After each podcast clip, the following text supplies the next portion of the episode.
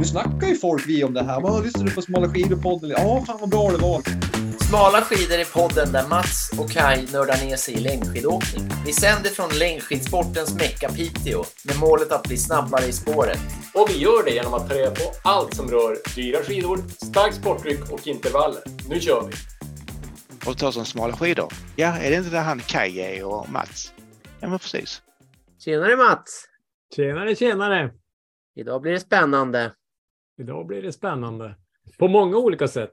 Jag tänkte ju, alltså jag är så nyfiken för du, jag frågade dig för någon dag sedan, hur gick det i träningstermen? Du sa, men du får, du får veta när vi spelar in podden. Så att det är det jag, det är det jag är mest nyfiken av över just nu. Det är, vi, var det annandag jul va? så var det träningstävling. Jag själv befann mig i ett flygplan just då, men eh, du har tävlat och jag är nyfiken. Hur gick det? Du har en mikrofon under näsan nu. Ja, hur gick det? Eh, nej, men det, det gick väl bra kan man väl säga. Som vanligt, men ändå inte så bra som jag hade önskat. Eh, typ, det gick som vanligt.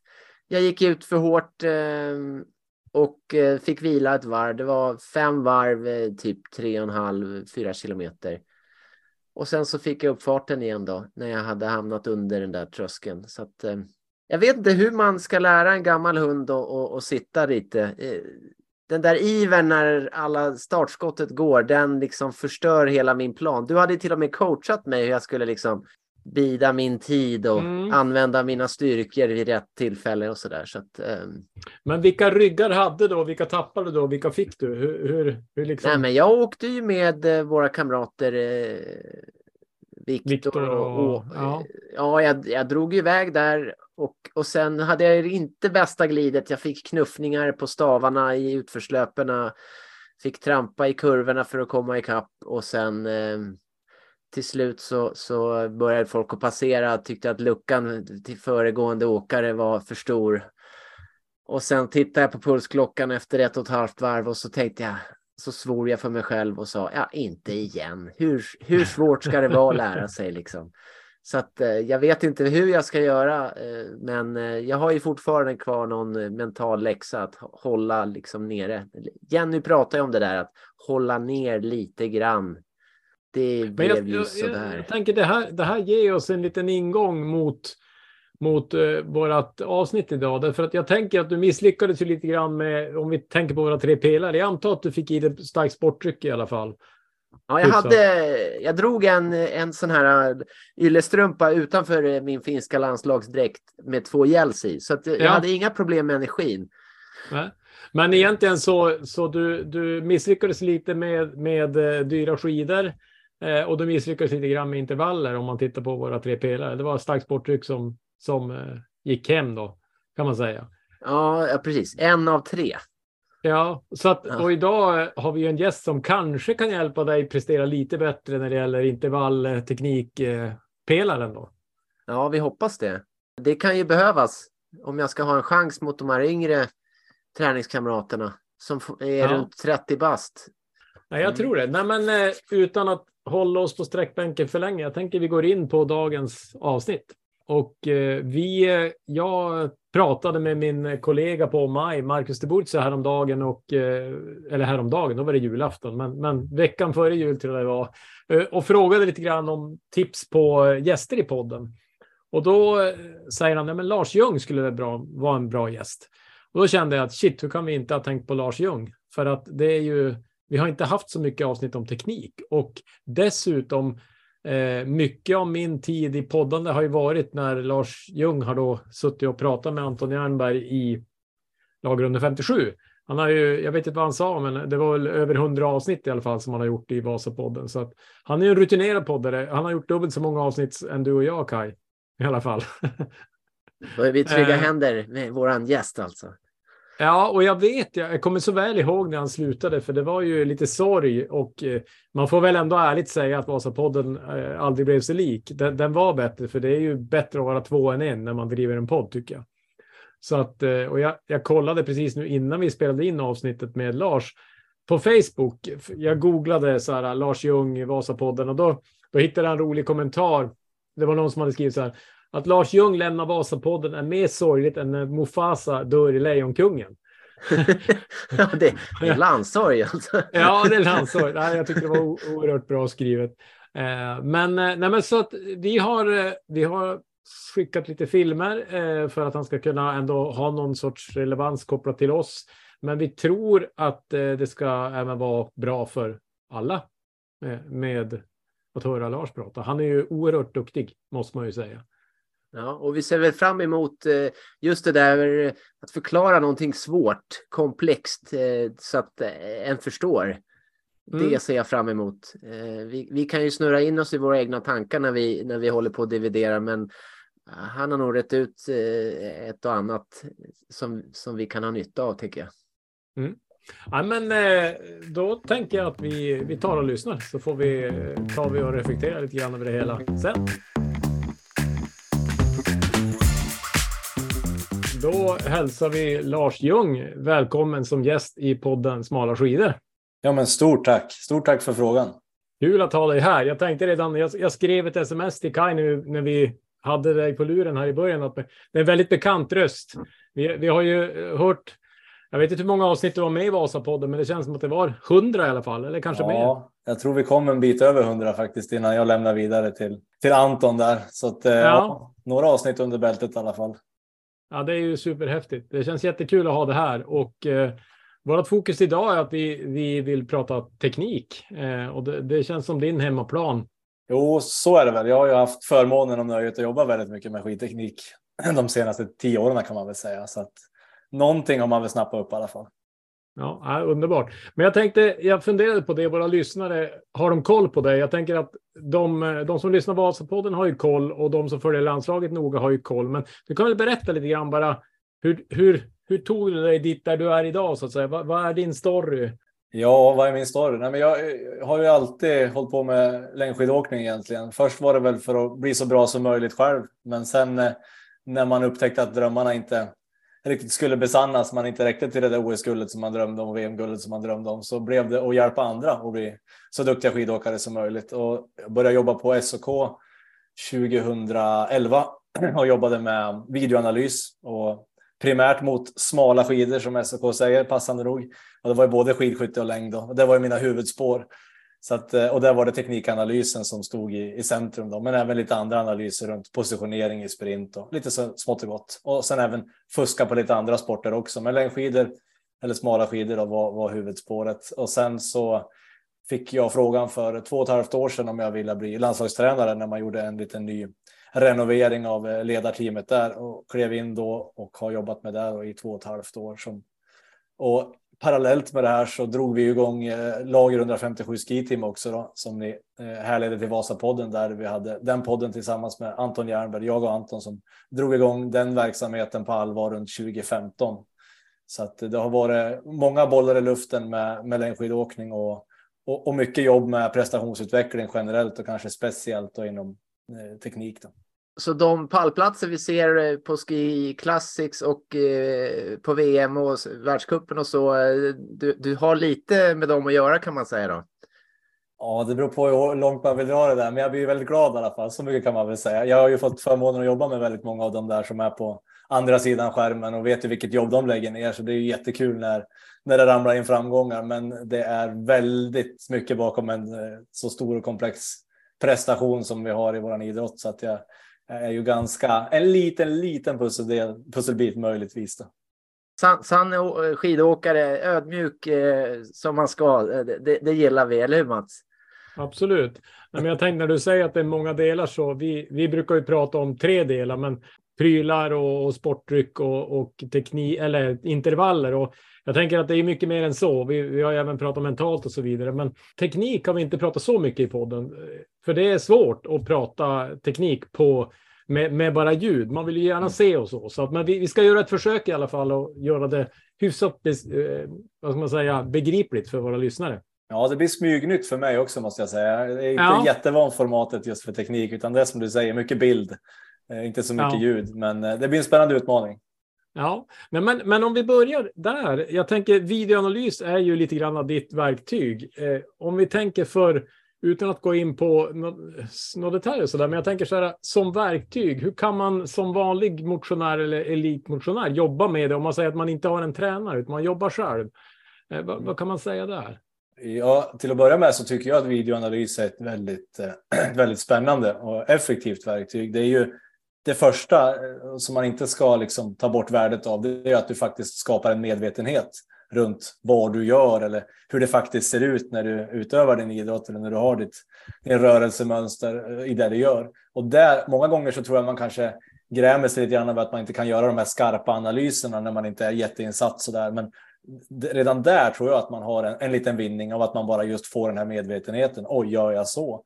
Eller ser det ut så där? Eller jag som tycker att jag håller stavarna väldigt nära mig, men jag har dem ju väldigt långt ifrån mig. Eller vad det nu kan vara. Så mm. medvetenhet blir liksom steg nummer ett. Eh, men sen är det ju som, som, en generell passning så tror jag att det, det som är farligt är ju att tänka att när man jobbar med videoanalys så eh, då jobbar man med teknikträning och sen så är det punkt det är ju bara starten. Det är ju bara liksom den lilla, lilla, lilla videoanalysen. Sen börjar ju själva arbetet med det här. Det är ju sen ni ska ut och skapa volym i de här repetitionerna. Det är sen ni ska ut och förändra och förädla de här grejerna som ni har fått eh, som nycklar eller vad det nu kan vara från en videoanalys. Så där tror jag många går bort sig ibland att man tänker att ja, men nu tränar jag teknik och så ja, nu är jag färdig med det. Vad bra, då kan jag fokusera på lite annat. Eh, men så den tror jag är viktig att eh, teknikanalysen, det är ju bara en start. Det är ju bara ett sätt att kanske rikta sitt fokus lite grann när man eh, tänker eh, skidteknik när man är ute och åker. Kanske ett sätt att göra tiden lite effektivare. Men, men det får inte bli någonting som ersätter eh, skidmilerna, för då tror jag man har ett bekymmer. Och jag tycker teknikträning, det ska ju vara med hela tiden. Oavsett när ni går in på gymmet och gör en styrkeövning så ska ni ju veta varför ni gör den för att den ska kunna göra bättre i skidspåret och hela tiden ha den där röda tråden och alla distanspass och allting att man passar på och jobba med, med en bra skidteknik. Eh, mm. Så, så det tror jag är en, en sån där viktig passning. Sen idag är det ju så fruktansvärt mycket enklare. Nu låter det som jag är hundra år, men när jag började med det här så var det ju iPad var inte jätteutbrett till exempel och iPhones var inte heller någonting man filmar med, speciellt inte på vintern för det fanns inga batteri som, som funkar och det var svårt att dela mellan olika personer, olika enheter. Då var det ju mer, då filmade man med en kamera och sen tog man ju ut det där och så satte man ju in det i en dator och sen i datorn skulle man ha en mjukvara, gärna Dartfish eller någonting sånt där som kostar pengar och var relativt avancerat. Och sen kunde man sitta efter träningen och kolla på det här. Nu kan man ju få ihop alla de här tre stegen, insamling, analys och delning smälla ihop de tre stegen i en enhet, en telefon eller en iPad. Och det gör ju att det är ju nere på consumernivå på något vis. Nu kan ju du och jag och vem som helst jobba med de här delarna och det tycker jag är ju väldigt, väldigt roligt. Eh, och då mm. är det ju en telefon eller en iPad kanske ännu bättre. Jättebra verktyg för att checka av, stämma av med jämna mellanrum. Hur ser det ut när jag gör min idrott? Och gärna om man har möjlighet också skapa lite referenser. Jämför Mats mot Kai. Vad gör vi för likheter? Vad gör vi för skillnader? Och så skapar man en mm. ännu större bild av sin egna prestation. Så det tycker jag faktiskt kan vara en, eh, ett, ett verktyg ändå för, för alla som åker skidor egentligen. Men hur ska man tänka när det gäller förebilder? Jag tänker det är ju lätt att hitta bilder på Emil Persson som är superstark och har armbågarna ute en halv meter och liksom eh, sådär. Men, men jag, jag har ju inte fysiken för det.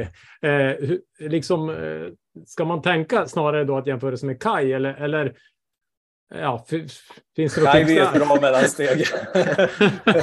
ja. Nej, jag förstår ju vad du menar Mats. Jag förstår det är ett litet steg, myrsteg, men inte ett mellansteg kanske. Ja. Nej, men jag tror ju faktiskt att eh, det är lite både och det där tycker jag. För att eh, nog är det som du säger att det, det, är en orättvis jämförelse många gånger att kolla på de här som har det som sitt yrke och som Eh, är väldigt stark och åker väldigt fort. Men jag tror ju också att man kan lära sig väldigt mycket av de här, mm. vad de gör och applicera det i sin egen åkning. Ibland så skulle jag vilja vända på det där. Många har ju det resonemanget som du säger att ja, men inte kan jag ha armbågarna där. Det kommer jag aldrig orka att stå emot. Jag har inte muskulära styrkan eller uthålligheten att göra det. Och så kan det vara i vissa delar så finns det en inskränkning i, i styrka, uthållighet, rörlighet som gör att man inte kan vara i de där positionerna som elitåkarna har. Men man kan också vända på resonemanget. Säg att du, bara för att exemplifiera, säg att du kan åka 13 kilometer i timmen på bandet när du stakar, alltså på rullband. Mm. Eh, och det kommer ju, har du en dålig tyngdöverföring, det vill säga kroppsvikt mot stav, så du får jobba väldigt mycket med baksida av armarna när du stakar, så kommer ju det eh, kräva mer av dig och din fysik än om du faktiskt kunde använda överkroppen på ett annat sätt. Så i det fallet så skulle ju att kunna härma eliten eller gå lite närmare mot eliten skulle ju göra att det blev lättare för dig mm. att åka på de där 13 kilometerna i timmen. Eh, så att det där får man nog se lite från, från bägge håll. Delvis ja, det kan vara svårt att kopiera rakt av eh, för att det inte finns fysiologiska förutsättningar. Men väldigt många gånger så handlar ju en bra skidteknik eh, som vi kan se på de här duktiga skidåkarna eh, handlar ju om att röra sig effektivt och då blir det tvärtom. Då blir det faktiskt lättare för dig med dina förutsättningar att kunna hålla samma fart. Sen är ju mm. skidåkning lite grann eh, roligt för att där skruvar man ju så att så fort man behärskar någonting, ja, men då skruvar man ju upp hastigheten och då går det fortare och sen blir det lika jäkla jobbigt ändå. Så det är ju, det kanske inte är liksom en, det kanske inte påverkar skidturen så sätt, men det kommer påverka sluttiden på ett Vasalopp till exempel ganska mycket. Mm. Så jag tror att absolut vi kan lära av de bästa, men kanske också som du säger försöka hitta ett litet mellansteg ibland och kanske inte ta allting av det, men definitivt så kan vi lära av det. Jag, jag, tänkte, du nämnde, jag tänkte på programvara, jag har aldrig funderat på så mycket, men, men finns det något där som är om man säger konsumentaktigt som, som eh, vad, vad, vad, vad heter en sån programvara om vi ska tipsa? Ja, det, det, gör det ju absolut. Jag tror man kommer ganska långt med de här vanliga videouppspelningarna också. Det man vill göra många gånger, det, det jag i alla fall vill göra, det är att kunna ha en möjlighet att gå bildruta för bildruta. Och det kan man med bara den här vanliga inbyggda i till exempel en iPhone. Men vill man mm. göra det ännu lite mer avancerat och, och, använda programvaror som är lite mer ändamålsenliga för en sportanalys, då, då finns det ju två aktörer som jag använder mig av. Det ena heter Coach My Video och den kostar väl en 70-80 kronor eller något sånt där engångsköp. Och det andra är det Coaches Eye. De är snarlika i funktionalitet. Eh, men det är väl två sådana där mm. få grejer som man kan ha på sin telefon eller ännu hellre på sin iPad för att få, få ett verktyg och om man vill dra lite linjer och göra lite sådana där grejer också. Det, är man över genomsnittet intresserad så kan ju det vara intressant. Och det gissar jag att ni är. vissa dagar väldigt mycket över, ja, vissa dagar kanske lite under. Det beror på dagsformen. Underbart. Är det läge? Jag har lite frågor om det här.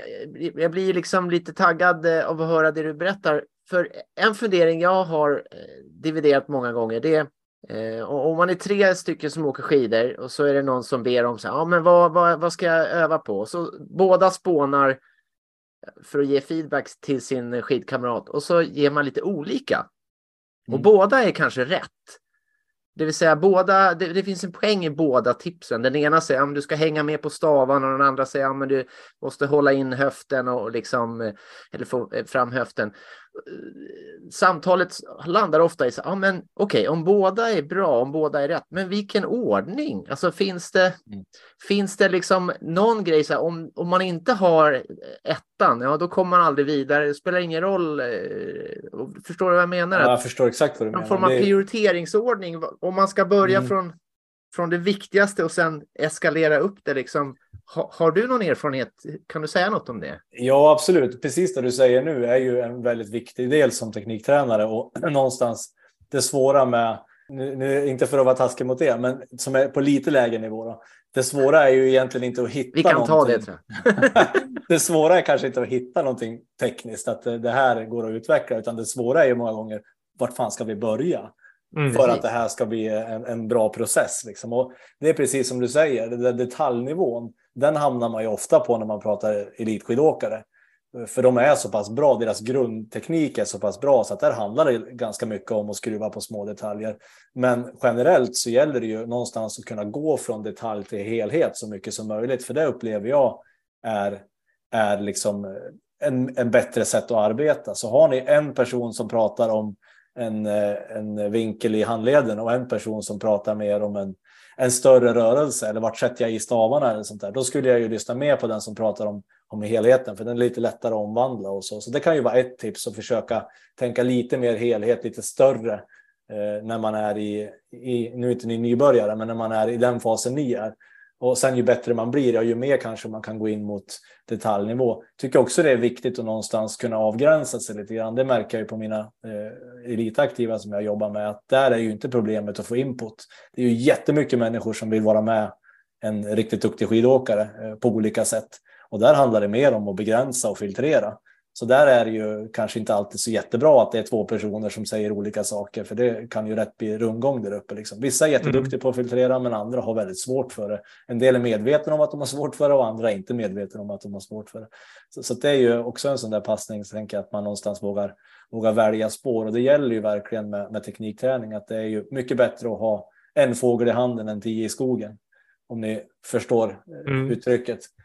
Men, men som generellt då, om man tänker hur man kan bygga upp en teknikanalys eller teknikarbete så ja, jag gillar ju att börja med tyngdöverföring, alltså hur använder vi våran kroppstyngd? Det tycker jag är eh, en bra start, för det har ju väldigt mycket att säga om vilka positioner vi är i sen när vi åker skidor. Så om man ska försöka göra någon prioritetsordning, lite från höften nu då, men jag tänker ändå att tyngdöverföring är en bra grej. Att vi börjar där och kollar hur förflyttar jag min tyngdpunkt min kroppstyngd från en, ett läge till en annan, från en position till en annan. Det är bra att börja där och sen går man över därifrån till position och ser vad har jag för positioner? Och sen tycker Men, jag som... låt, mig säga så här, fattar. Mm. Om jag då exempelvis eh, har blanka skidor och stakar, mm. menar du då att hur jag så att säga faller ner i stavarna, är det, är det det du pratar om eller är det någonting annat? Mm, ja, men om man tänker att stavcykeln börjar när staven släpper från snön. Det kan kännas lite omvänt kanske, att många tänker att den börjar när stavarna går i, men jag vill tänka lite annorlunda där, att när staven släpper från snön, då börjar stavcykeln. Då har du, din tyngdpunkt har ju en position då, då är du trycket, om du tar fötterna till exempel, så är trycket mycket på här i det läget. Och sen därifrån, vad du gör därifrån till att stavarna går i, det handlar ju väldigt mycket om hur du förflyttar din tyngdpunkt. Där har du inte så mycket muskelkraft som spelar in. Du har ju ingenting som tar dig framåt direkt. Du har inga stavar i backen och så, utan det blir ju mer en retur till stavisättningen du jobbar med där. Och det handlar mycket om hur positionerar jag min tyngdpunkt? För att sen, precis som du säger, hur mycket av min kroppsvikt får jag ner i staven vid, vid stavisättning?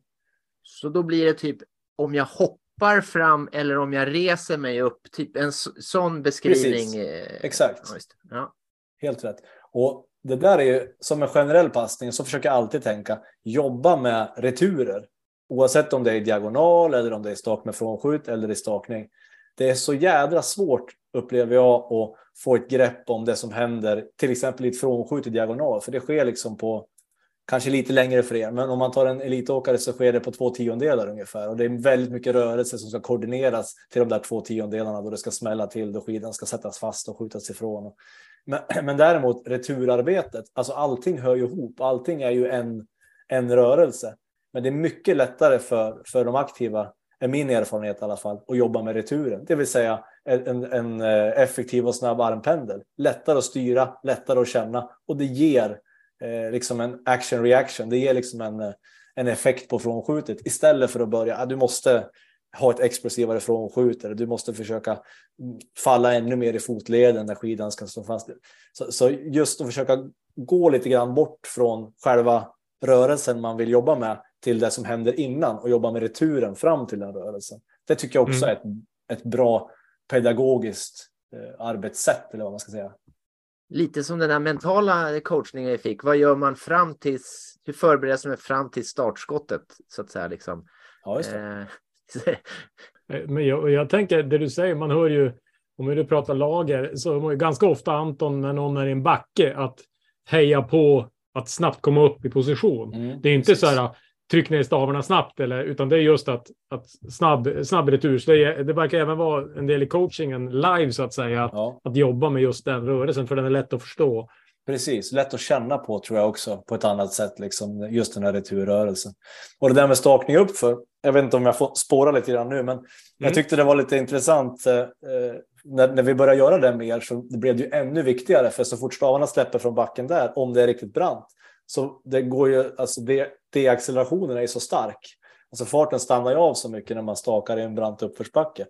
Så där blev det ju väldigt tydligt att kan vi minimera tiden vi är med staven i luften så blir det lättare att hålla hjulet rullande. Och det där kom till mig när jag var i Valsenales på ett läger runt 2014, 2013. Jag satt och pratade med Per Pliggen Andersson som var landslagsläkare. Då. Han var ju gammal roddare. Han, han eh, var med i Barcelona-OS bland annat, så han var på väldigt hög nivå. Eh, och jag frågade lite grann om han, vad hans styrka var. Och då sa han att jag, jag var ju jag var inte så bra när åren var i vattnet. Där var det de som var bättre än vad jag var. Och då tänkte man ju spontant, det lät ju skitbra liksom. Jag är inte så bra när åren är i vattnet liksom. Vad fan är min styrka då? Nej, men då sa jag, det, det jag var duktig på, det var ju att minska svinnet. Jag var väldigt duktig på när åren skulle ner i vattnet igen, när de var i luften. Där var jag väldigt effektiv och väldigt snabb. Mm. Och det där är ju egentligen exakt samma tankesätt när vi pratar stakning upp för då. Var väldigt snabb till nästa stavtag. Det är kanske till och med ännu viktigare än den kraften du applicerar. Eller ännu viktigare är det inte, men det är ju en viktig aspekt i, likväl som den kraft du applicerar. Så, så där blir ju returarbetet väldigt viktigt i, ur direkt prestationssynpunkt också om man säger. Mm. Ja, vi vet väl alla hur det är att få tvärnit i en backe där man får starta om på varje staktag. Liksom. Precis, precis. Ja. Jag tänkte, vi, vi har ju skickat lite filmklipp till dig. Eh, yes. och det här blir ju det här blir den mest spännande delen i poddavsnittet här tror jag, att försöka prata till, till något som vi, som vi inte kan visa så särskilt mycket. Men, men eh, jag tänker att vi, vi testar eh, och ser om vi, om vi får, får no, några insikter. Så jag tänker vi kan väl börja med lite, ja, det, det, du önskar helt enkelt. Ja, jag delar min skärm här nu. Inte så mycket mm. glädje för våra lyssnare kanske, eller era lyssnare. Kanske desto mer för er då. Eh, vi dyker in i diagonal. Det här är Mats, rätta mig om jag har fel. Det där är det väl? Ja, det stämmer bra det. Och det är Piteå. Mm. Och det är full vinter. Skidmecka i Sverige. Verkligen, verkligen. Nej, men det är ju en fin skidstadion jag har, herregud. Och eh, första känslan när man ser Mats diagonala fram här, det är ju att eh, här finns ju grunderna. Här har man ju eh, en kläm på vad diagonalskidåkning handlar om. Det är ett. Eh, det är egentligen det mest naturliga rörelsemönster vi har. Det är precis som när man går vänster hand, höger fot. Det är liksom varför krångla till det egentligen? Det är precis det det handlar om. Men det som skiljer oss från när vi går skidor, det är att det finns ju en fin liten glidfas här också, där man låter skidorna göra lite av jobbet. Mm. Så att det, grunderna är bra. Här finns det ganska mycket att och bygga vidare på från en bra nivå. Och så som vanligt då, vart fan börjar vi? Jo, jag tänker så här om man. Eh, en sak som slår mig lite grann, det är ju. Det känns som att det finns en liten utmaning i tyngdöverföringen. Det finns en liten utmaning att kunna stå på en skida i taget om man ska liksom förenkla det lite grann. Mm. Eh, det vi ser när du står på din högra skida och så ska den vänstra skidan eh, pendlas fram så går den skidan i ganska långt bakom den högra foten. Man vill ju att mm. de här mm. fötterna ska gå i parallellt, det vill säga när ni skjuter fram er returskida så vill vi att den ska gå i snön eh, när fötterna är bredvid varandra. Nästan tänka att man försöker sparka en fotboll. Man sätter ju inte ner foten och sen drar den fram till bollen, utan man vill träffa bollen mm. bredvid stödjebenet lite grann. Det är lite samma eh, tänk här. Och det här, så Mats ska eh, kicka boll eh, när han diagonalar mer alltså? Ja, man kan tänka kicka boll. Det kan man absolut. Jag, jag, har, jag har åkt ett helt Vasalopp och tänkt kicka boll. Eh, alltså så här, tusen gånger, så det är en bra liknelse. Jag tror jag hörde den från någon sån här, på Youtube av någon fransk instruktör där en gång i tiden. det, var, det här var 15 år sedan, det var ett, ett fruktansvärt Vasalopp. Men, men det är en bra liknelse. man kan också, om det är lite hård, hårdare förhållanden och så där, så kan man söka tystnaden brukar jag säga. För det blir ett mm. klapprande ljud det här när man inte klarar av att stå på den högra foten tillräckligt bra. Mm. Då smäller, ju, smäller man i den andra för att få en större stödyta, för att få hitta balansen igen. Och det där klappret, den där smällen som blir, den kan man ju försöka, om man är trött på att sparka bollar så kan man försöka mm. söka tystnaden. Nu håller vi på med, med radio, eller med ljud, så det kanske är mm. ännu mer relevant för er. Sök tystnaden ifrån skjutet, att det blir en, en fin följsam framföring då egentligen. Återigen, mm. då jobbar vi med returen här. Och det som blir när skidan går i med foten så här pass långt bakom, klappet kommer. Och det är också väldigt svårt för dig att jobba snett framåt uppåt. Min upplevelse är ju att när du går ner och sätter fast skidan och sen ska du skjuta ifrån så blir väldigt mycket av kraften ganska rakt upp. Ja. Lite som en symaskin, symaskinsnål. Du skjuter det rätt upp och sen rätt ner. Här skulle man ju vilja att kraften går mer i ett läge som är framåt uppåt och inte upp mm. och ner. Mm. Är ni med på tanken? Verkligen. Och axlarnas eh, position här, de ska ju de ska röra sig upp och ner, men det ska ju vara en konsekvens av hur fotleden jobbar. Hur det arbetet är, att man sjunker ner och sätter fast skidan och sen att man skjuter sig fram och upp. Det ska inte vara höf höften som kickar axlarna upp och ner. Är ni med på den skillnaden? Lite kan ta... Men eh, en, en, fråga här då. Yes. Får säga till. Är det okej okay, Mats att jag lägger med ja, här? Ja. Så om man skulle då, eh, om du skulle, av dina erfarenheter eh, Lars, eh, med, med Mats, eh, det du ser på filmen här. vad är liksom, vad är nyckeln som låser upp eh, det här? Eh, är det liksom styrka någonstans eller rörlighet eller är det liksom eh, balans eller liksom vad, vad skulle du vara eh, om du skulle ge Mats ett råd? Så här, så här, börja här, det skulle ränta bäst. Han gillar ju gena Mats. Ja, det gör, gör vi ju alla. Effektivt ja. arbete, det är ju superintressant.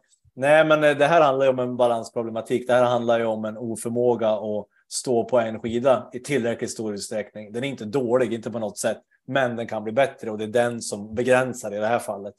Eh, mm. och, och då är det ju, ja, men som vi har sagt, det första steget, nu har vi identifierat det och nu ska vi arbeta med det och då är det ju, kan vi ju koka ihop det till några nycklar och stoppa under den där gröna mössan och det kan ju vara liksom till exempel den här tysta följsamma frånskjutet där fötterna går i bredvid varandra. Det kan också vara att man jobbar med en lite mer avslappnad armpendel, att det skapar en helhet som blir lite mer följsam och, och fin.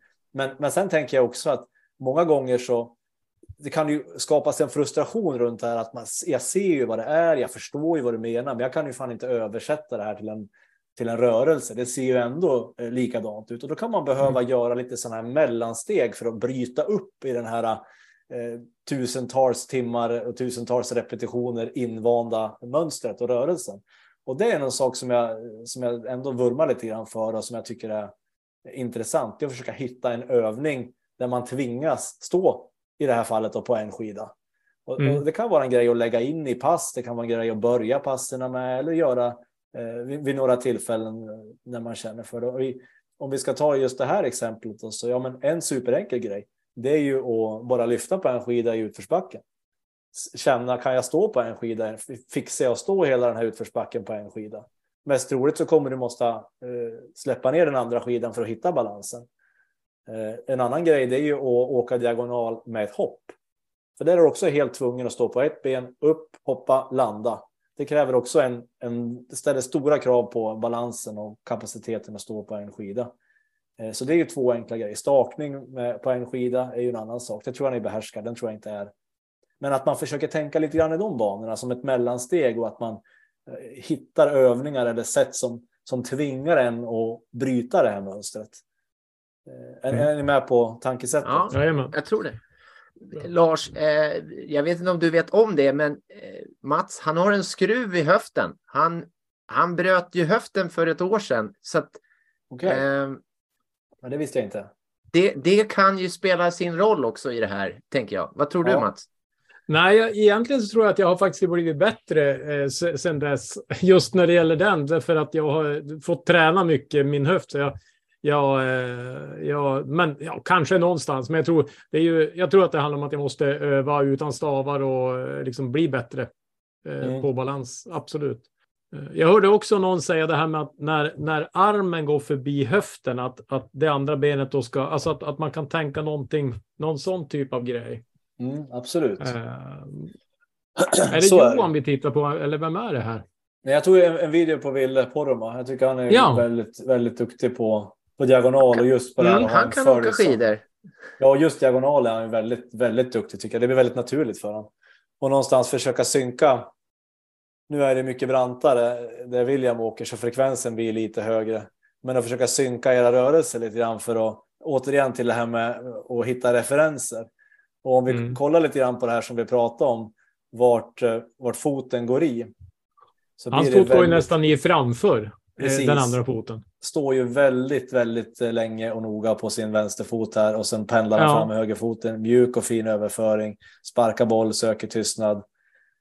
Och ser i, i det här läget att fötterna är, är parallella. Och så tänk också lite grann på, på axlarna i det här fallet, att de är väldigt stabila eh, och det är inte mycket rörelse. De rör sig upp och ner, men det gör de från det här ut, eh, stödjebenet där man står på rakben och så faller man ner för att sätta fast skidan. Då rör ju sig axeln ner, men det är inte axlarna som jobbar aktivt upp och ner, fram och bak, utan det är eh, de överkroppen är helt stilla och sen är det benen som, som sköter eh, rörelsen av, eh, av överkroppen. Överkroppen är lite mer vinklad framåt också upplever jag på William. Ja, precis. Det blir, och det tror jag också blir en konsekvens av att du blir ganska rakt upp i det du gör. Den tyckte mm. jag man såg tendenser i, i stakningen också. Så det kan ju vara en sån naturlig pass eller en, eh, en generell passning som funkar på flera deltekniker och någonstans hitta en position där vi söker ett lätt fall framåt och där vi är intresserade av att jobba framåt och inte så mycket, mycket upp och ner. Mm. Jag läste någonstans att längdskidor handlar om att eh, att ramla, den som kan liksom ramla utan att ramla, liksom luta sig fram utan att ramla, den åker fortast. Finns det någon sanning i det? Ja, på sätt och vis kan man ju säga det, för att det, det, handlar ju någonstans om att sätta tyngdpunkten ur balans. Det är det vi vill göra när vi stakar till exempel, att när vi är klara med stavtaget och sen ska vi framåt stavarna igen, då måste vi ha en fas där vi sätter tyngdpunkten ur balans, då vi ramlar fram mot nästa stavtag. Om vi hela tiden står i total balans, ja men då är det som att stå rakt upp och ner, sätta i stavarna och bara jobba med muskelkraft. Så för att få användning av våran kroppstyngd så måste vi ha faser där vi sätter den här Eh, tyngdpunkten ur balans. Och det är svårt. Det är inte så svårt att sätta den ur balans, men det är svårt att fånga upp den och hämta upp den igen. Eh, men, men det är absolut så. Det, det är en nyckel tror jag. Och rent generellt eh, på, när vi pratar skidteknik så vi har två delar som, som tar oss framåt i skidspåret om man vill förenkla lite grann. Det ena det är muskelkraften och det, det känner alla igen. Man, man känner att man blir trött i muskulaturen när man åker skidor. Men det andra som kanske inte är lika självklart för alla, det är ju tyngdkraften.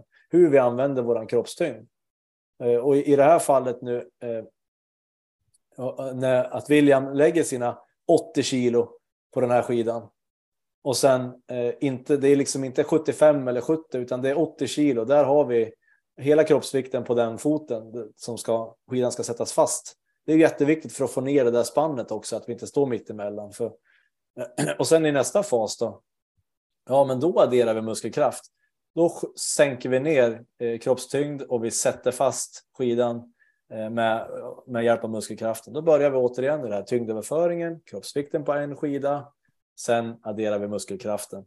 Och så ser vi också, precis som ni var inne på, handen går, det är lättare om vi tar den här bilden här, handen går tungt ner mot knät för att skapa en impuls ner som ska ytterligare hjälpa till att sätta fast den här skidan i snön. Då. Tänk att ni står på en analog eh, badrumsvåg. Det tycker jag är en bra liknelse. Ni har två stycken under varje fot. Ni vill ha över 80 kilo hela er kroppsvikt på den ena vågen. Inte stå eh, 40-40 eller eller 60-20 utan 80 kilo på en vikt. Och sen för att få den där visan och slå ut lite grann eh, för att få den här extra impulsen. Men då, då faller vi ner. Då, då droppar vi ner kroppsvikten i, i den där vågen och då kommer den röra sig. Sätter vi där dessutom på en armpendel som också sänker tyngdpunkten och skapar en impuls ner, då kommer den röra på sig ännu mer. Och det här är ju liksom en, en kärna till en bra skidteknik. Det här är essentiellt och det här har du lite att jobba på Mats, tänker jag. För att här kan mm. du, dels så kan du få ett tryggare frånskjut, mer kraft i skidan och sen i nästa läge så kan du få en glidfas och en vilofas om du blir duktig på att ställa över vikten på, på den andra skidan helt och fullt. Så här, mm. det här är essentiellt. Här får vi både mer kraft och fart och det kostar oss inte så jäkla mycket mer heller, för det handlar bara om att använda vår kroppsvikt på ett effektivt sätt. Och sen får vi också en förmåga att hitta en vilofas i det vi gör. En, mm. en glidfas. Så mer kraft, mer fart och mer vila. Det är liksom, eh, det är essentiella prylar. Det, det mm. hittar vi alla deltekniker. Men, men diagonal kan jag många gånger tycka är bra för att exemplifiera det. Mm. Jag, jag, känner en som kommer att köpa två badrumsvågar till veckan. ja. Ja, men ni, förstår, ni, förstår, ni förstår liknelsen? Just ja, den är ju man... jättebra. För jag kommer ihåg när man stod på en sån när man var liten grabb. Man ville ju liksom få upp den lite extra och det är ju det ja. man vill när man får trycka fast skidan. Precis så, precis så. Ja, nej, så att eh, där borde någonting. Nu, nu kikar vi vidare på ett klipp här bara för att se hur ledigt, lätt och fint man kan röra sig i diagonalskidåkning.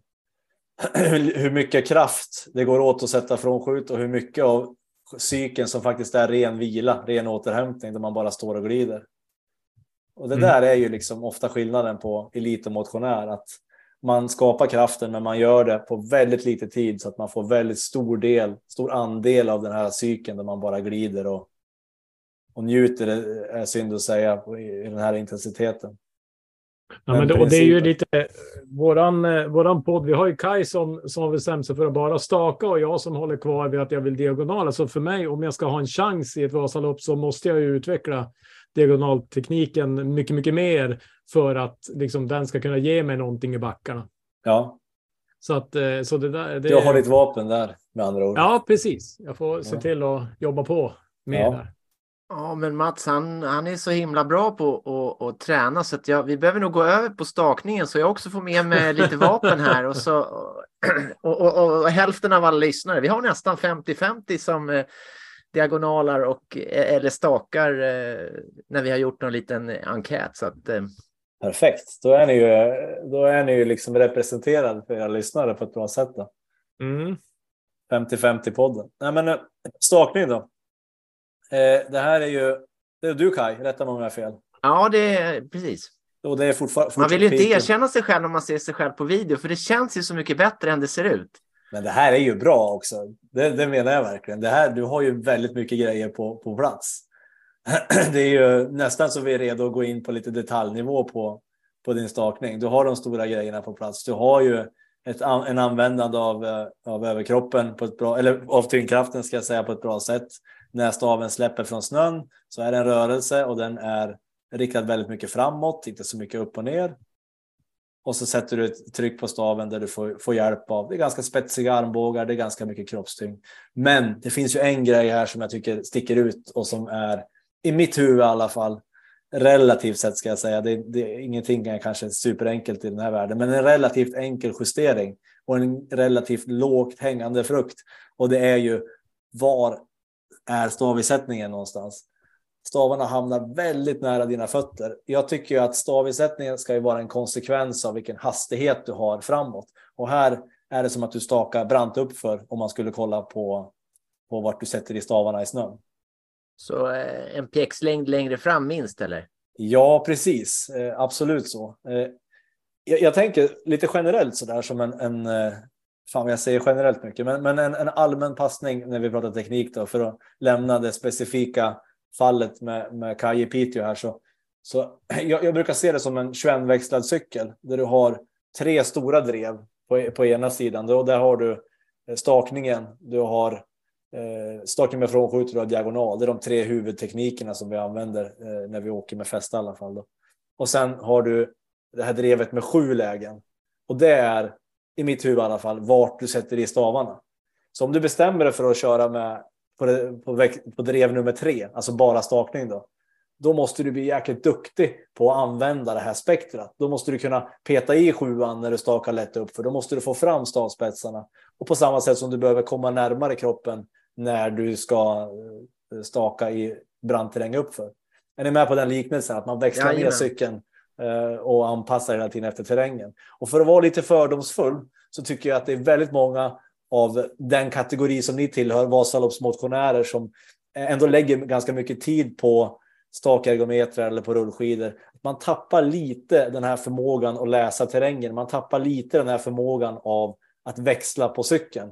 Att det blir väldigt, man blir väldigt stark i en rörelse och sen så nöter man på i den rörelsen. Det kan vara att man ligger mycket på landsvägar och jobbar med rullskidorna eller platta cykelbanor där det inte händer så mycket i terrängskiftning. Men det kan också vara att man lägger mycket tid på skiergen så man blir väldigt innött i en rörelse. Och det är ju fantastiskt bra träning. Men det kan gå ut lite grann över den här förmågan att och läsa terräng och växla på den här 21 Det blir som att köra cykel eh, utan 21 växlar utan man har en fast växel bara och det blir Exakt. inte alltid optimalt.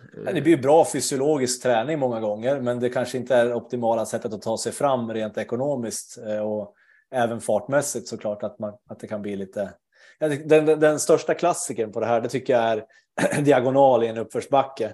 Att man går diagonal i backen så länge man bara klarar och till slut så går farten ner, man börjar kränga och så kommer ett tjuvsläpp så är man på noll. Då kliver man ut och börjar saxa.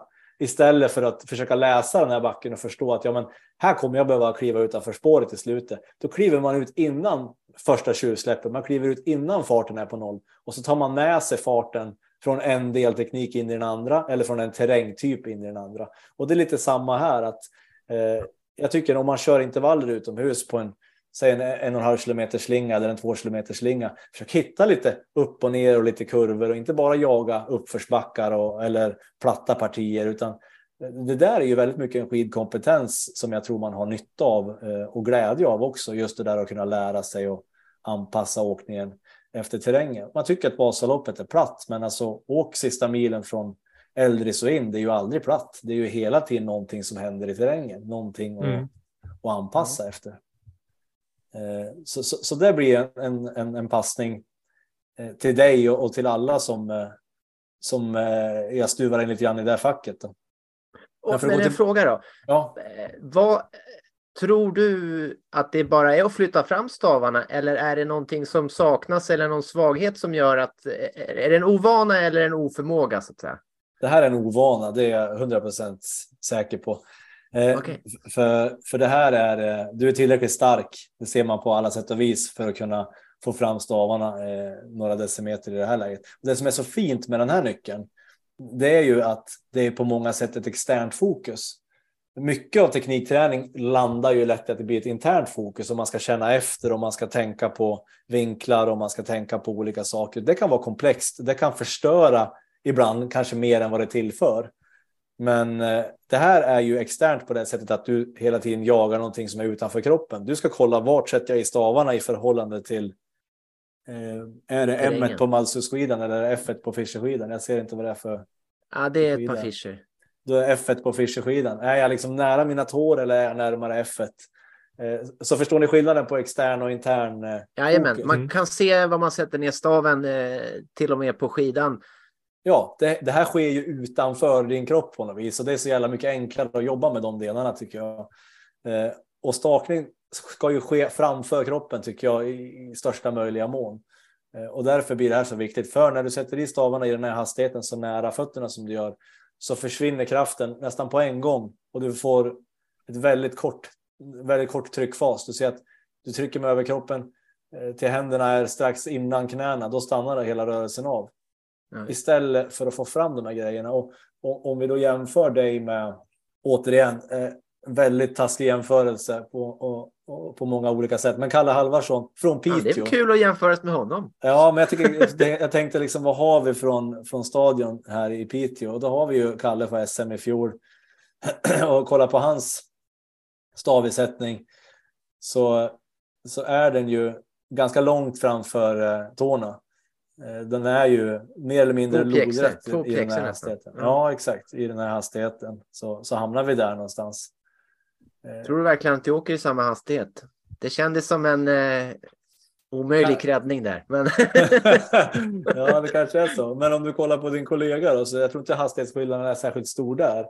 Men däremot Mats, är det ju... där gör du hur bra som helst. Ja, exakt. Ja.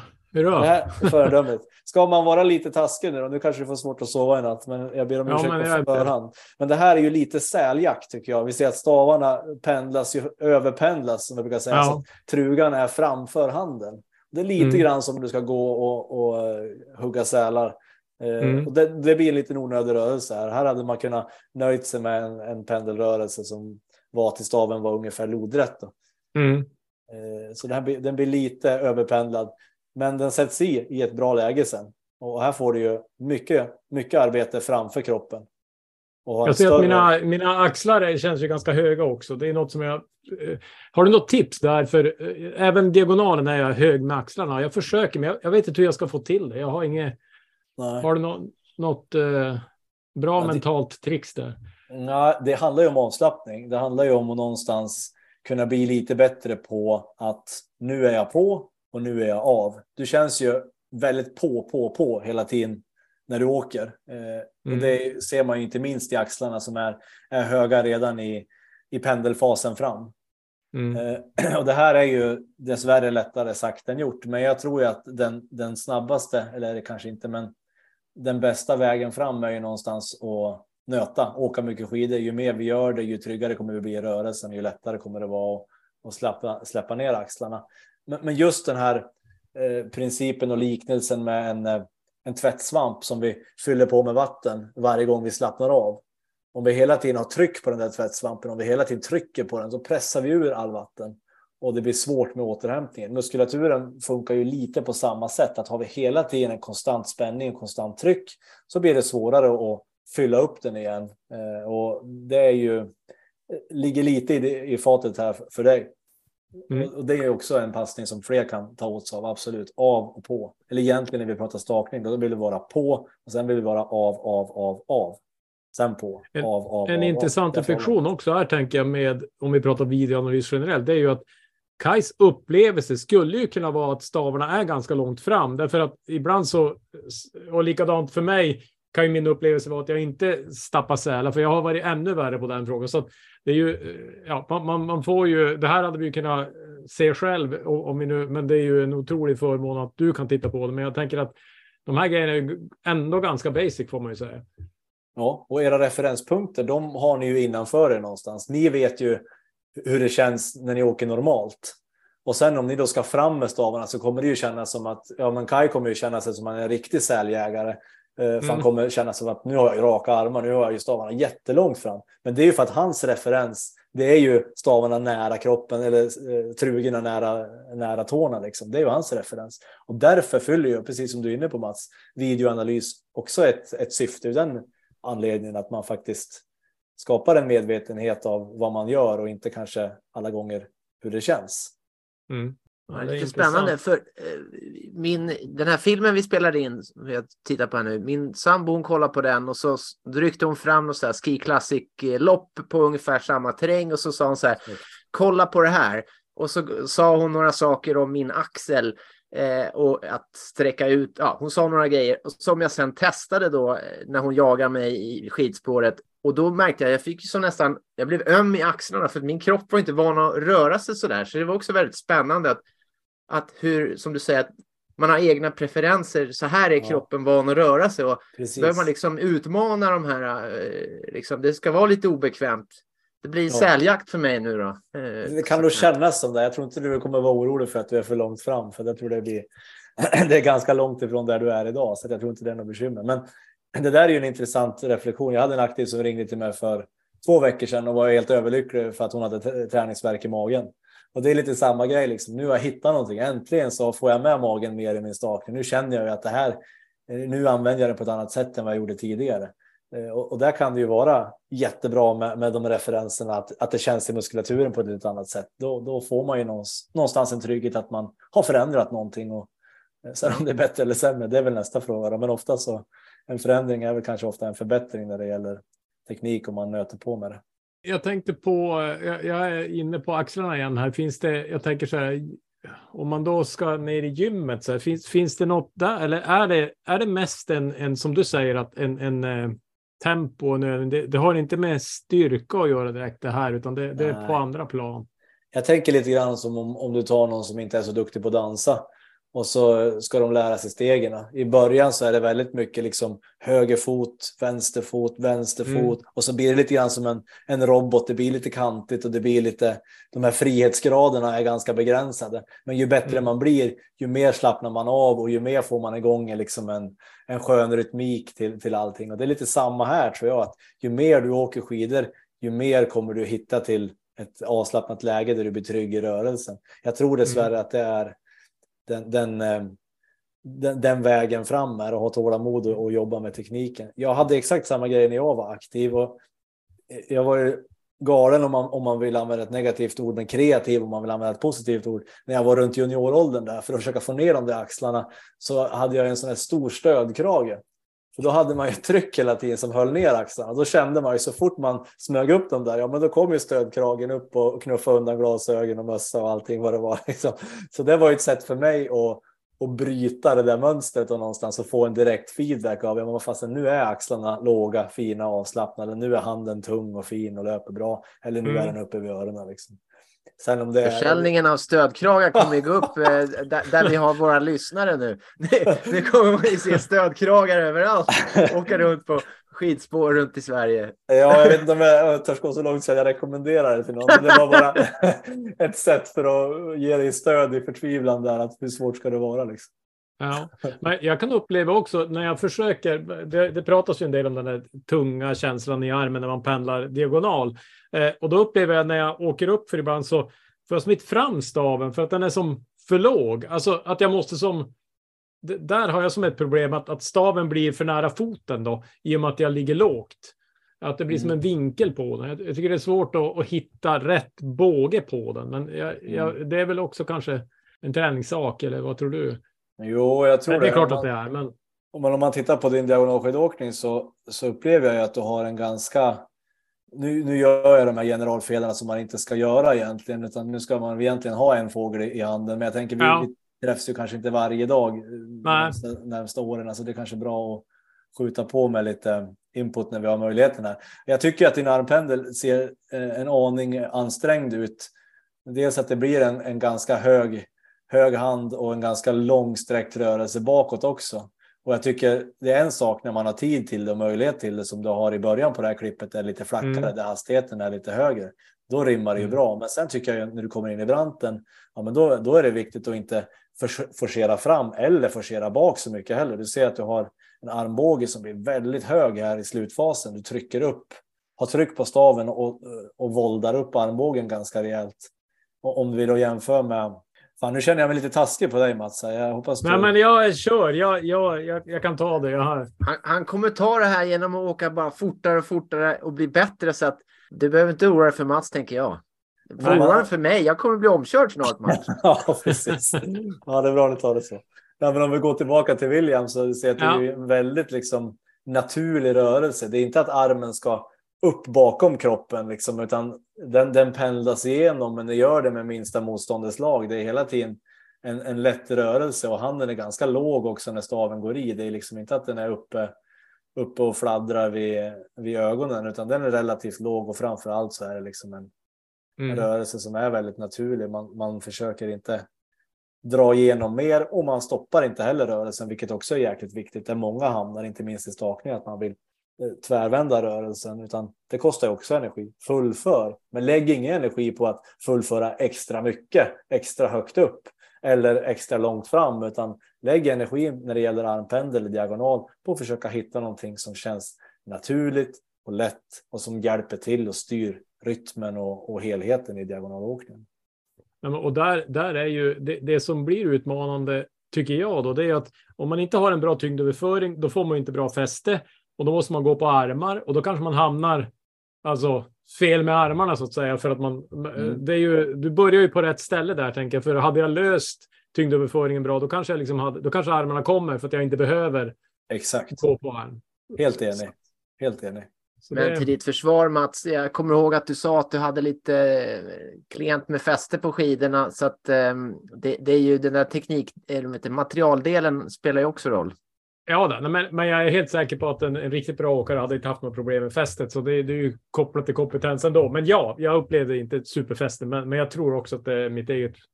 Man kan egen... alltid skylla på utrustningen grabbar. Ja. Det, får vi, det får vi inte glömma. Alltid skylla på utrustningen. det är men, viktigt. Eh, eh, Lars, eh, är det här samma sak som du sa förut, att det här är växlarna, att, att drevet bak på cykeln, att det du säger till Mats, att, att han ska bli bättre på att välja eh, drev.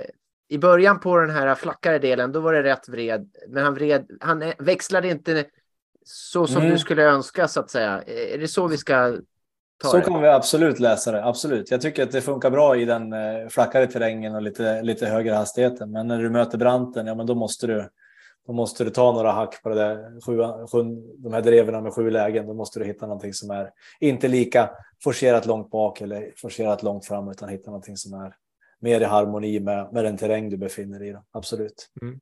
Ja, häftigt. Säger du Mats, ska du verkligen, eh, ska vi ge oss nu? Eh, så att, jag, jag är orolig för hur det kommer gå nu. Jag kommer inte ha en chans på nästa träningstävling. Om du sätter de här uh, tipsen nu. Ja, nej, det, ja, det, får, det återstår att se, men, men vi får. Du vi förstår får ju Lars, på. vi har ju en battle ongoing så att säga. Ja, det är så. ja, det, det, är alltid tävlingar. Ja, jag kan tänka mig. Ja, men du har ju lågt hängande frukt, du Kaj. Det där fixar ju du om du bara tänker på det lite grann.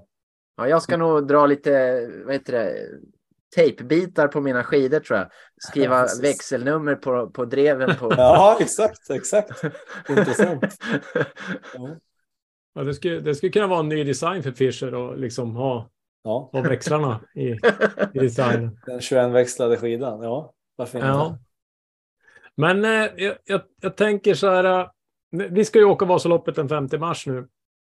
Och vi vill ju, du är ju inte bara teknik, men om du liksom skulle, skulle du har ju sett eh, våra styrkor och svagheter lite grann nu här i klippen och, och Vad, vad, skulle du liksom skicka med oss om du skulle ge några, några tips? Vad, vad ska vi fokusera på fram till, till dess så att säga? Hur, hur skulle det se ut? Tänker ni allmänt eller tänker ni? Tänker ja, men, ni du, du, allmänt, men ja, det kan väl vara. Jag menar, tekniskt har vi fått en del här, men jag, jag tänker allmänt också. Liksom, vad, jag tänker, du har ju mött, mm. ni har ju haft ett antal Vasaloppsläger med lager och du, du har ju stor erfarenhet ändå av att utveckla skidåkare, tänker jag. Ja, alltså det överlägset bästa träningspasset. Det är ju det pass som blir av. Det, där måste mm. man ju någonstans börja tycker jag. Och det, det kan jag tänka mig när ni är så intresserad som ni är och så framåtlutade i det här att ni får mycket inspel därifrån, därifrån, därifrån, från massa olika håll och att man ska liksom göra det här, det är det bästa och det här. Men ni, ska, ni får inte glömma vad ni själv tycker är roligt och det ni själv tycker är den bästa träningspasset. För, för då gör man det, ja, men då är det ju också en större sannolikhet att det blir av. Och det behöver bli av. Så enkelt mm. är det. Ni behöver, mm. ni, ni, behöver kontinuitet i träningen. Det är överordnat allting annat egentligen. Mm. Så att göra saker ofta eh, är värt mycket mer än att göra det eh, länge och hårt men sällan. Eh, tänker mm. jag. Och, och, mm. rent har man möjlighet som ni som bor en bit upp i landet, eh, åk mycket skidor. Det är ju eh, eh, Eh, eh, det, är ju, det här är ju en stor fråga istället, liksom, men jag tänker att det är ett enkelt eller ett simpelt svar. Men det bor ju mycket i det också. Det är ju någonstans där vi ska, ni ska prestera i skidspåret och, och få in volym i de här repetitionerna som jag pratat om. Det är faktiskt Stefan Thomsson, er poddpolare, som sa det till mig att ja, men, teknikträning måste handla om att få volym i repetitionerna och det är ju eh, så jäkla bra sagt. Det handlar ju om någonstans att att nöta in en rörelse och få, få volym i bra repetitioner. Eh, mm. och det får vi absolut bäst i, i skidspåret. Eh, så är det. Mm. Sen kan man ju ställa sig en fundering lite grann hur, hur, mycket av min uthållighet blir stimulerad av att åka skidor. Är det så att eh, Helst så skulle man kanske ha ett, en mask med, som mäter syreupptag och så, men om vi ska göra det lite enklare och lite mer smidig setup så funkar en pulsklocka. Den ger ju en liten bild av vilken belastningsgrad vi har. Är det så att vi belastar systemet eh, lika mycket när vi kör intervaller på snö som när vi till exempel springer på ett löpband eller står vid skijärgen. Det är också intressant, för är det så att vi inte riktigt kommer upp och stressar systemet max på skidor, vilket är vardagen, verkligheten för väldigt många som är på motionsnivå för att man har inte en skidkompetens som är tillräckligt bra. Begränsningen blir lite grann i det tekniska. Ja, men då tycker jag det är väldigt intressant att ha med, för då måste man ju någonstans höja yttertaket. Någonstans så måste vi eh, värdesätta det här med kondition och få en bra uthållighet på, på en generell nivå. Men sen ska vi ändå få ut det i skidspåret. Så då måste vi också höja innertaket lite grann så vi kommer nära yttertaket. Eh, men att man inte bara jobbar med skidåkningen om det, om det är, inte är ett sätt att belasta maximalt. Utan man kanske ska ha en kombination av det där. Och det kan ju alla testa. Men eh, köra en slinga på fem minuter på skidorna. Kolla vad ni har för snittpuls eller maxpuls. Och så kör ni fem minuter löpning uppför på löpbandet till exempel i fem, minuter, i fem minuter intervall. Och så kollar ni hur ser värdena ut då. Är det så att ni har en betydligt större stress och betydligt större belastning på löpbandet, ja, men då kanske det också har ett syfte i träningspusslet för att, för att jobba med uthålligheten på, på någon form av basgrundnivå. Är ni med hur, hur ja. jag tänker? Vi behöver kunna eh, köra med hög puls på skidor också, inte bara på en skijärg eller så att gärna träna grenspecifikt, men ändå se till att få de där högintensiva passen så man får bättre kondis. Ja, för vi vill ju liksom, ja, precis. Vi vill ju inte att, att innertaket ska komma närmare yttertaket tack vare att yttertaket sjunker ihop. Utan vi vill ju att innertaket ska komma närmare på grund av att vi blir bättre på att åka skidor. Alltså förstår nice. ni, vi måste ändå stimulera det här yttertaket att det är tillräckligt högt och tillräckligt bra. Det, det tjänar vi på, det är jag helt övertygad om. Och där, mm. där kan man ju ibland måste göra alternativ träning då, som, som löpning eller som, som skijärg eller vad det nu kan vara. Där, där man inte är så begränsad av teknik och, och de delarna. Mm. Jag, jag, tror för mig, jag, jag har ju ganska eh, nyligt senaste åren börjat löpa lite grann och det, det, jag tycker är skillnad där är att man, man kan ju aldrig vila. Eh, Nej. Som man gör när man åker i ett spår och då blir det ju en jämnare belastning och det är samma med skier. Det är ju också så att det finns ingen vila. Det är bara att dra hela tiden. Så Exakt. det tycker jag blir skillnad i belastning eh, mellan dem om man bara pratar så. Men sen så, jag har inga problem att dra puls när jag åker eh, alltså längdskidor, men däremot så är det svårt att hitta liksom världens längsta backe för ja. ett pass. Utan... Precis.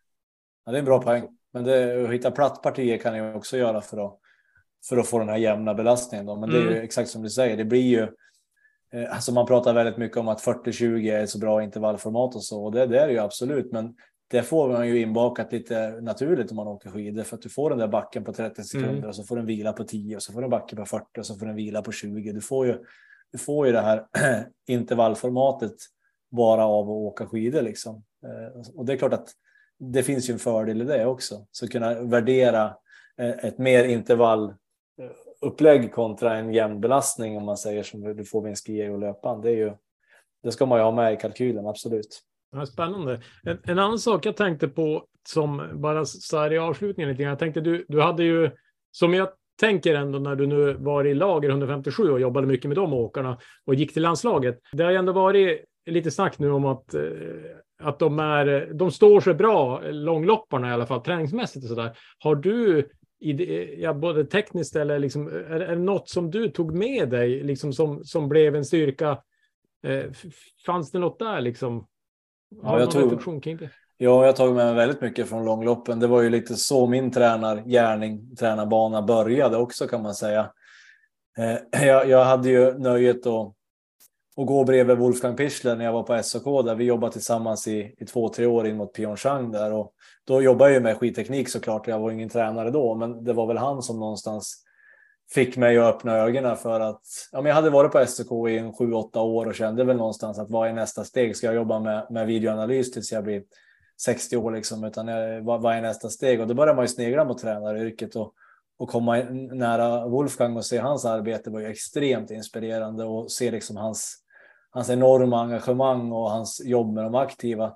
Så, så där var det ju mycket så jag någonstans bestämde mig för att nej, men jag vill ju också bli tränare. Så när vi startade igång Eh, den här andra generationen om man säger med lager 157 när vi tog in Emil Persson och Anton Karlsson och Andreas Holmberg.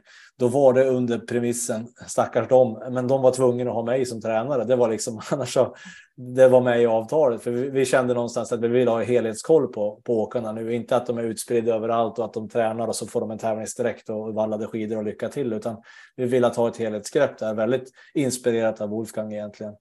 Eh, och hans träningsmetodik eh, har jag ju också lånat med väldigt mycket och den ligger ganska nära eh, den normala långloppsträningen om man säger. Ganska mycket tuff träning, ganska mycket långa trösklar som ni säkert är bekant med. Man ligger på submaximal nivå och kör ganska långa drag där. Och, och sen såklart, så, så, så det var ju liksom starten på min tränargärning och det var ju det den träningsmetodiken, den systematiken som, som jag jobbar med där som jag sen försökte ta över till traditionell skidåkning. Självklart anpassa eh, utifrån att det är lite olika målbilder. Här ska man vara bra på att åka betydligt kortare tävlingar och kunna åka både skate och, och klassiskt och, och allt vad det är. Mm. Så det är klart att det skett en anpassning. Men, men jag lånar med mig väldigt mycket från, från Wolfgang in i långloppen och från långloppen eh, vidare in i traditionell skidåkning också.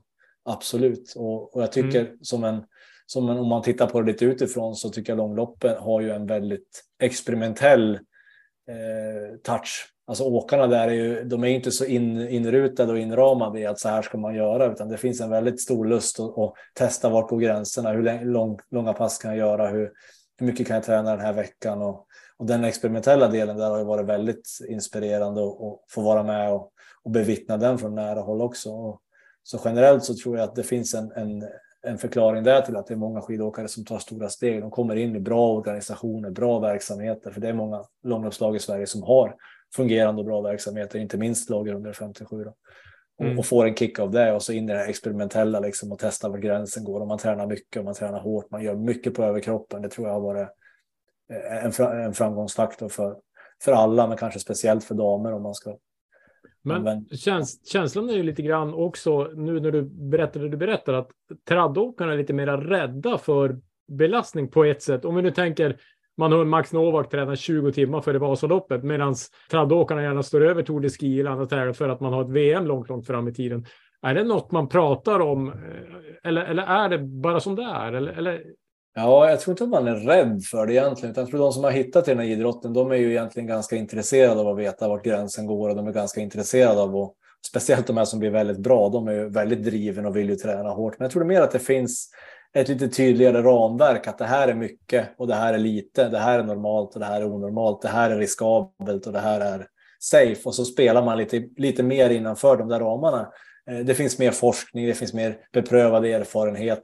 Långloppen har ju liksom inte det i ryggsäcken riktigt, utan där är ju först nu, om man vill vara lite taskig, som man kan säga att det finns en, en, en elitverksamhet med aktiva som, som jobbar varje dag för att bli. Det har det väl funnits tidigare också, men just den här vågen som vi ser med Ski Classics nu, den fanns ju inte riktigt för, för 20 år sedan inom långloppen. Det fanns några enstaka som, som satsade mm. på det, men, men, men, den har ju funnits betydligt längre inom längdskidåkningen, den traditionella skidåkningen. Så jag tror att det kan nog vara en förklaring till att, det är, eh, att, att man är lite mer försiktig eller lite mer strukturerad runt eh, hur man lägger upp sina tränings och tävlingsplaneringar.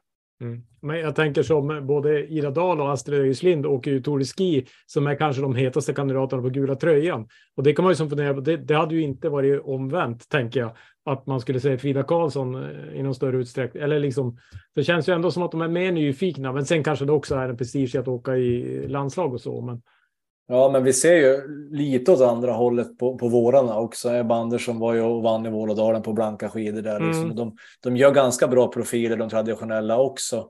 Men det är väl lite som vi, vi brukar säga i, i Vasapodden där, att det är ju skillnaden blir ju lite större ju bättre långloppsåkarna blir också. Det går inte att kliva in som 35-åring nu när man har åkt ur landslag och tänka att ja, men då åker jag långlopp och vinner de tävlingarna, utan nu börjar man i ung ålder och, och satsa och träna för det här och nivån blir hela tiden bättre och bättre. Men, men, men det är klart att det finns eh, eh, traditionella åkare som är lite nyfiken på det där också. Ebba är ju ett, ett bra exempel. till mm.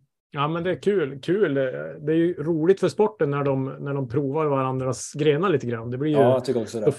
det. Det tror jag är bra för tittarna. Eh, intresset för båda sidor och så vidare. Så. Ja, absolut. Jag håller med. Ja, men roligt. Eh, vad känner du Kai? Känner du dig nöjd? Har du myror i Ja, alltså jag, är, jag är så tacksam Lars att du ville vara med och att du så frikostigt eh, delar med dig av eh, liksom, dina erfarenheter. Och jag har fått med mig massa som Ja, jag ska ju plocka de här eh, låga frukterna nu och tejpa skidorna med växellåda och så vidare. Så att jag har att göra helt klart. Eh, synd att man har så många på skidor bara. Det blir mycket tejprullar som kommer gå här nu. Ja, det är synd om dig, stackare. Ja, nej, jag, ja, jag, jag vill får, säga ett stort tack. Ju, ja, verkligen. Jag, jag, får ju lite mera jobb på ja, men det, är ju, det passar ju bra. Jag har ju kanske lite mer tid ibland också. Så Större eh, potential kanske man ska säga. Ja, exakt. Fina ord. Ja, verkligen. Nej, men stort tack och eh, vi, vi eh, som sagt, vi är tacksamma och eh, jag tycker att det blev jättebra. Det känns, känns bra. Hoppas våra lyssnare känner att de lär sig någonting också, får, får någonting till sig. Tack så mycket. Tack snälla. Sådär.